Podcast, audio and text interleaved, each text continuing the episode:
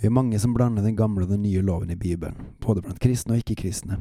Men hva er egentlig den nye loven? Det ta opp i dagens Gud i sentrum av meg, Håkon Winnem. Velkommen.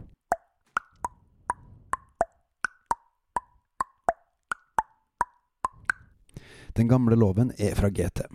Det er den gamle pakten, og den starter med Abraham, som eh, fikk beskjed om at han skulle få en like tallrikhet som stjerner på himmelen.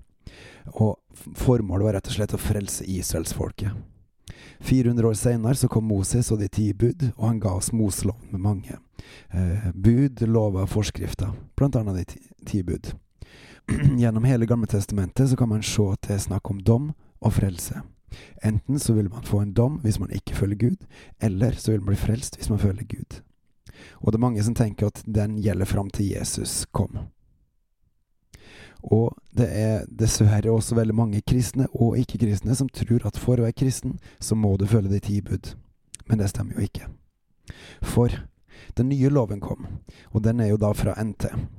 Det er den nye pakten, og den kom gjennom Jesus for å frelse både jødene og alle folkeslag, at vi skulle være ett, som er den store hemmeligheten som det står om i Fesebrevet.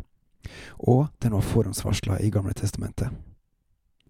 Og det som også er veldig viktig med den, at den også gjelder for alltid. For hver og en som tror på Jesus. Og så er det kanskje ganske mange som ikke er bevisst på at også her er det snakk om en dom og en frelse.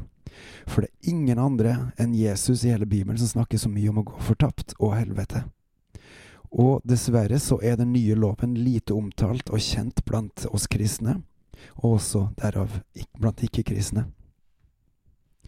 GT-loven den kom jo med Abraham først, og han fikk et løfte, som jeg nettopp nevnte, i forhold til at han skulle få en like stor eh, tallrik ett som på stjerna på himmelen, hvis han fulgte Gud.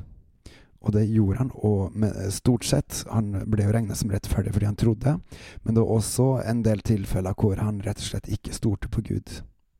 Og likevel ble han regna som rettferdig, fordi han hele tida vendte seg tilbake til Gud. Loven kom med Moses eh, drøyt 400 år seinere, og i andre Mosebok 34 så går det an å lese mye mer om den. Om Moses sitt møte med Gud der. Og det er jo veldig mange lover, buder og forskrifter i den. Eh, og de mest kjente er de ti bud. Også hensikten med loven var rett og slett å avsløre synden. At vi mennesker er underlagt synden. Eller for å trekke det som Paulus sier i eh, Romerne 6, i kontrast mot den nye loven.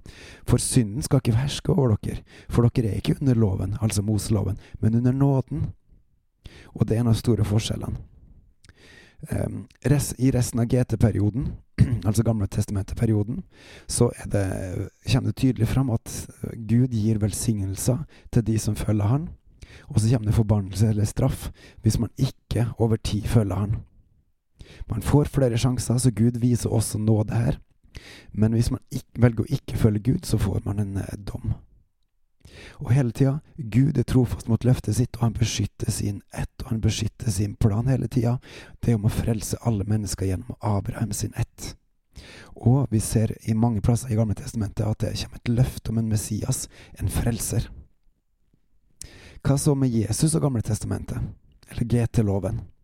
For Jesus fulgte og ble opplært i GT-loven. Vi ser det annet at han ble omskjært den åttende dagen, og vi ser det også at han var på påskefeiring når han var tolv år. Det var helt sikkert ikke den eneste, men det var jo veldig spesiell med tanke på at Jesus var sant, og hvor foreldrene fant han. Og det Jesus gjorde etter når han begynte sitt virke, var at han oppsummerte loven. Og hva sa han? Jo, elsk Gud, og elsk de neste som deg sjøl. Og videre så bekrefta han GT-loven. Og det hører du også gjennom bergprekenen og alt annet undervisninga. Men i bergprekenen så oppklarte han også til og med misforståelser. Fordi det som har så lett for å skje til enhver tid, er at Gud, Guds sitt ord er sant, og det er hellig og rent. Men så har vi mennesker så lett for å blande inn egne tanker, egne ting i det. Og dermed forkludrer vi til Guds rene ord, Guds sannhet. Så her kom Jesus inn og klargjorde noen ting. Og ikke minst, Jesus oppfylte loven og vant over døden. Og da var det rett og slett at Jesus han klarte å leve perfekt etter GT-loven gjennom sitt liv. Det er kanskje litt rart å si med tanke på at han brøt sabbaten også, men også der så er det faktisk sånn at Jesus han oppfylte hele GT-loven. Og han tok med seg eh, synda på korset. Sjøl om han er syndfri, så døde han for våre synder på korset og sto opp igjen på den tredje dagen og vant over døden. Vant over synden. Hva så med NT-loven? Den har mange navn. Åndens lov, Kristi lov, frihetens lov. Og her er det sånn at Jesus han er NT-lovens livgiver. Er den samme og sanne Gud. Fordi Jesus han oppfylte Gamle testamentet-loven. Og han døde på korset og tok med seg synden, så at vi ikke lenger skulle være under synden, ikke lenger skulle være under døden eller motstanderen, men at vi skulle få et nytt liv i Han. Så gjennom dåpen så dør vi med Jesus, og så blir vi reist opp til et nytt liv med Han, med en ny pakt. Og da er det nye regler som gjelder. Og hvis vi da går til 1. Johannes 3, 21-24, så leser vi Mine kjære, dersom vårt hjerte ikke fordømmer oss, da har vi frimodighet for Gud. Og hva vi enn ber om, det får vi av Han, fordi vi holder fast på Hans bud og gjør det som er til behag for Han. Og dette er Hans bud, at vi skal tro på Hans Sønns Jesu Kristi navn og elske hverandre slik Han bød oss. Den som holder fast på Hans bud, blir i Han og Han i Han. Og på dette kjenner vi at, vi at, Han blir i oss, av den ånd som Han ga oss. Og så kan jeg legge til at i denne sammenhengen her, så er hverandre altså brødrene. I GT-pakten var det ofring, man måtte ofre jevnlig hele tida for de syndene man gjorde, og ulike offer for å prise Gud. Mens nå er Jesus offerlammet, og det evige offerlammet, sånn at vi slipper å ofre noe der. Vi skal heller bare bære fram våre liv som offer til Gud. Så Nytestamenteloven er basert på tro på den treenige Gud, og målet er et evig liv, det å kjenne Gud, som det står i Johannes 17,3. Og så er det en kamp i oss, det er vanskelig å komme fram og nå fram. Og da har vi Den hellige ånd, som er vår hjelper, vår talsmann, vår styrke, og mye, mye mer. Så vi er ikke aleine. Så, for å oppsummere, den nye loven, der er det sånn at målet er det evige liv, og det er å kjenne Herren, ikke bare følge Han, men kjenne Han.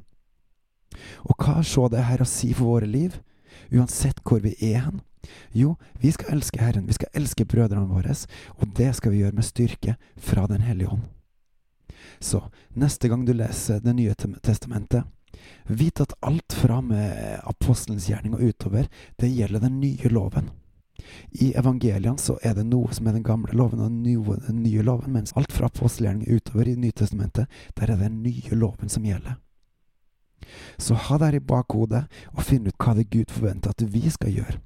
Fordi at Jakob sier jo at 'vis meg din tro uten gjerninger, og jeg skal vise min tro av mine gjerninger'. Gå og tjen Herren med glede. Bebels og på gjenhør.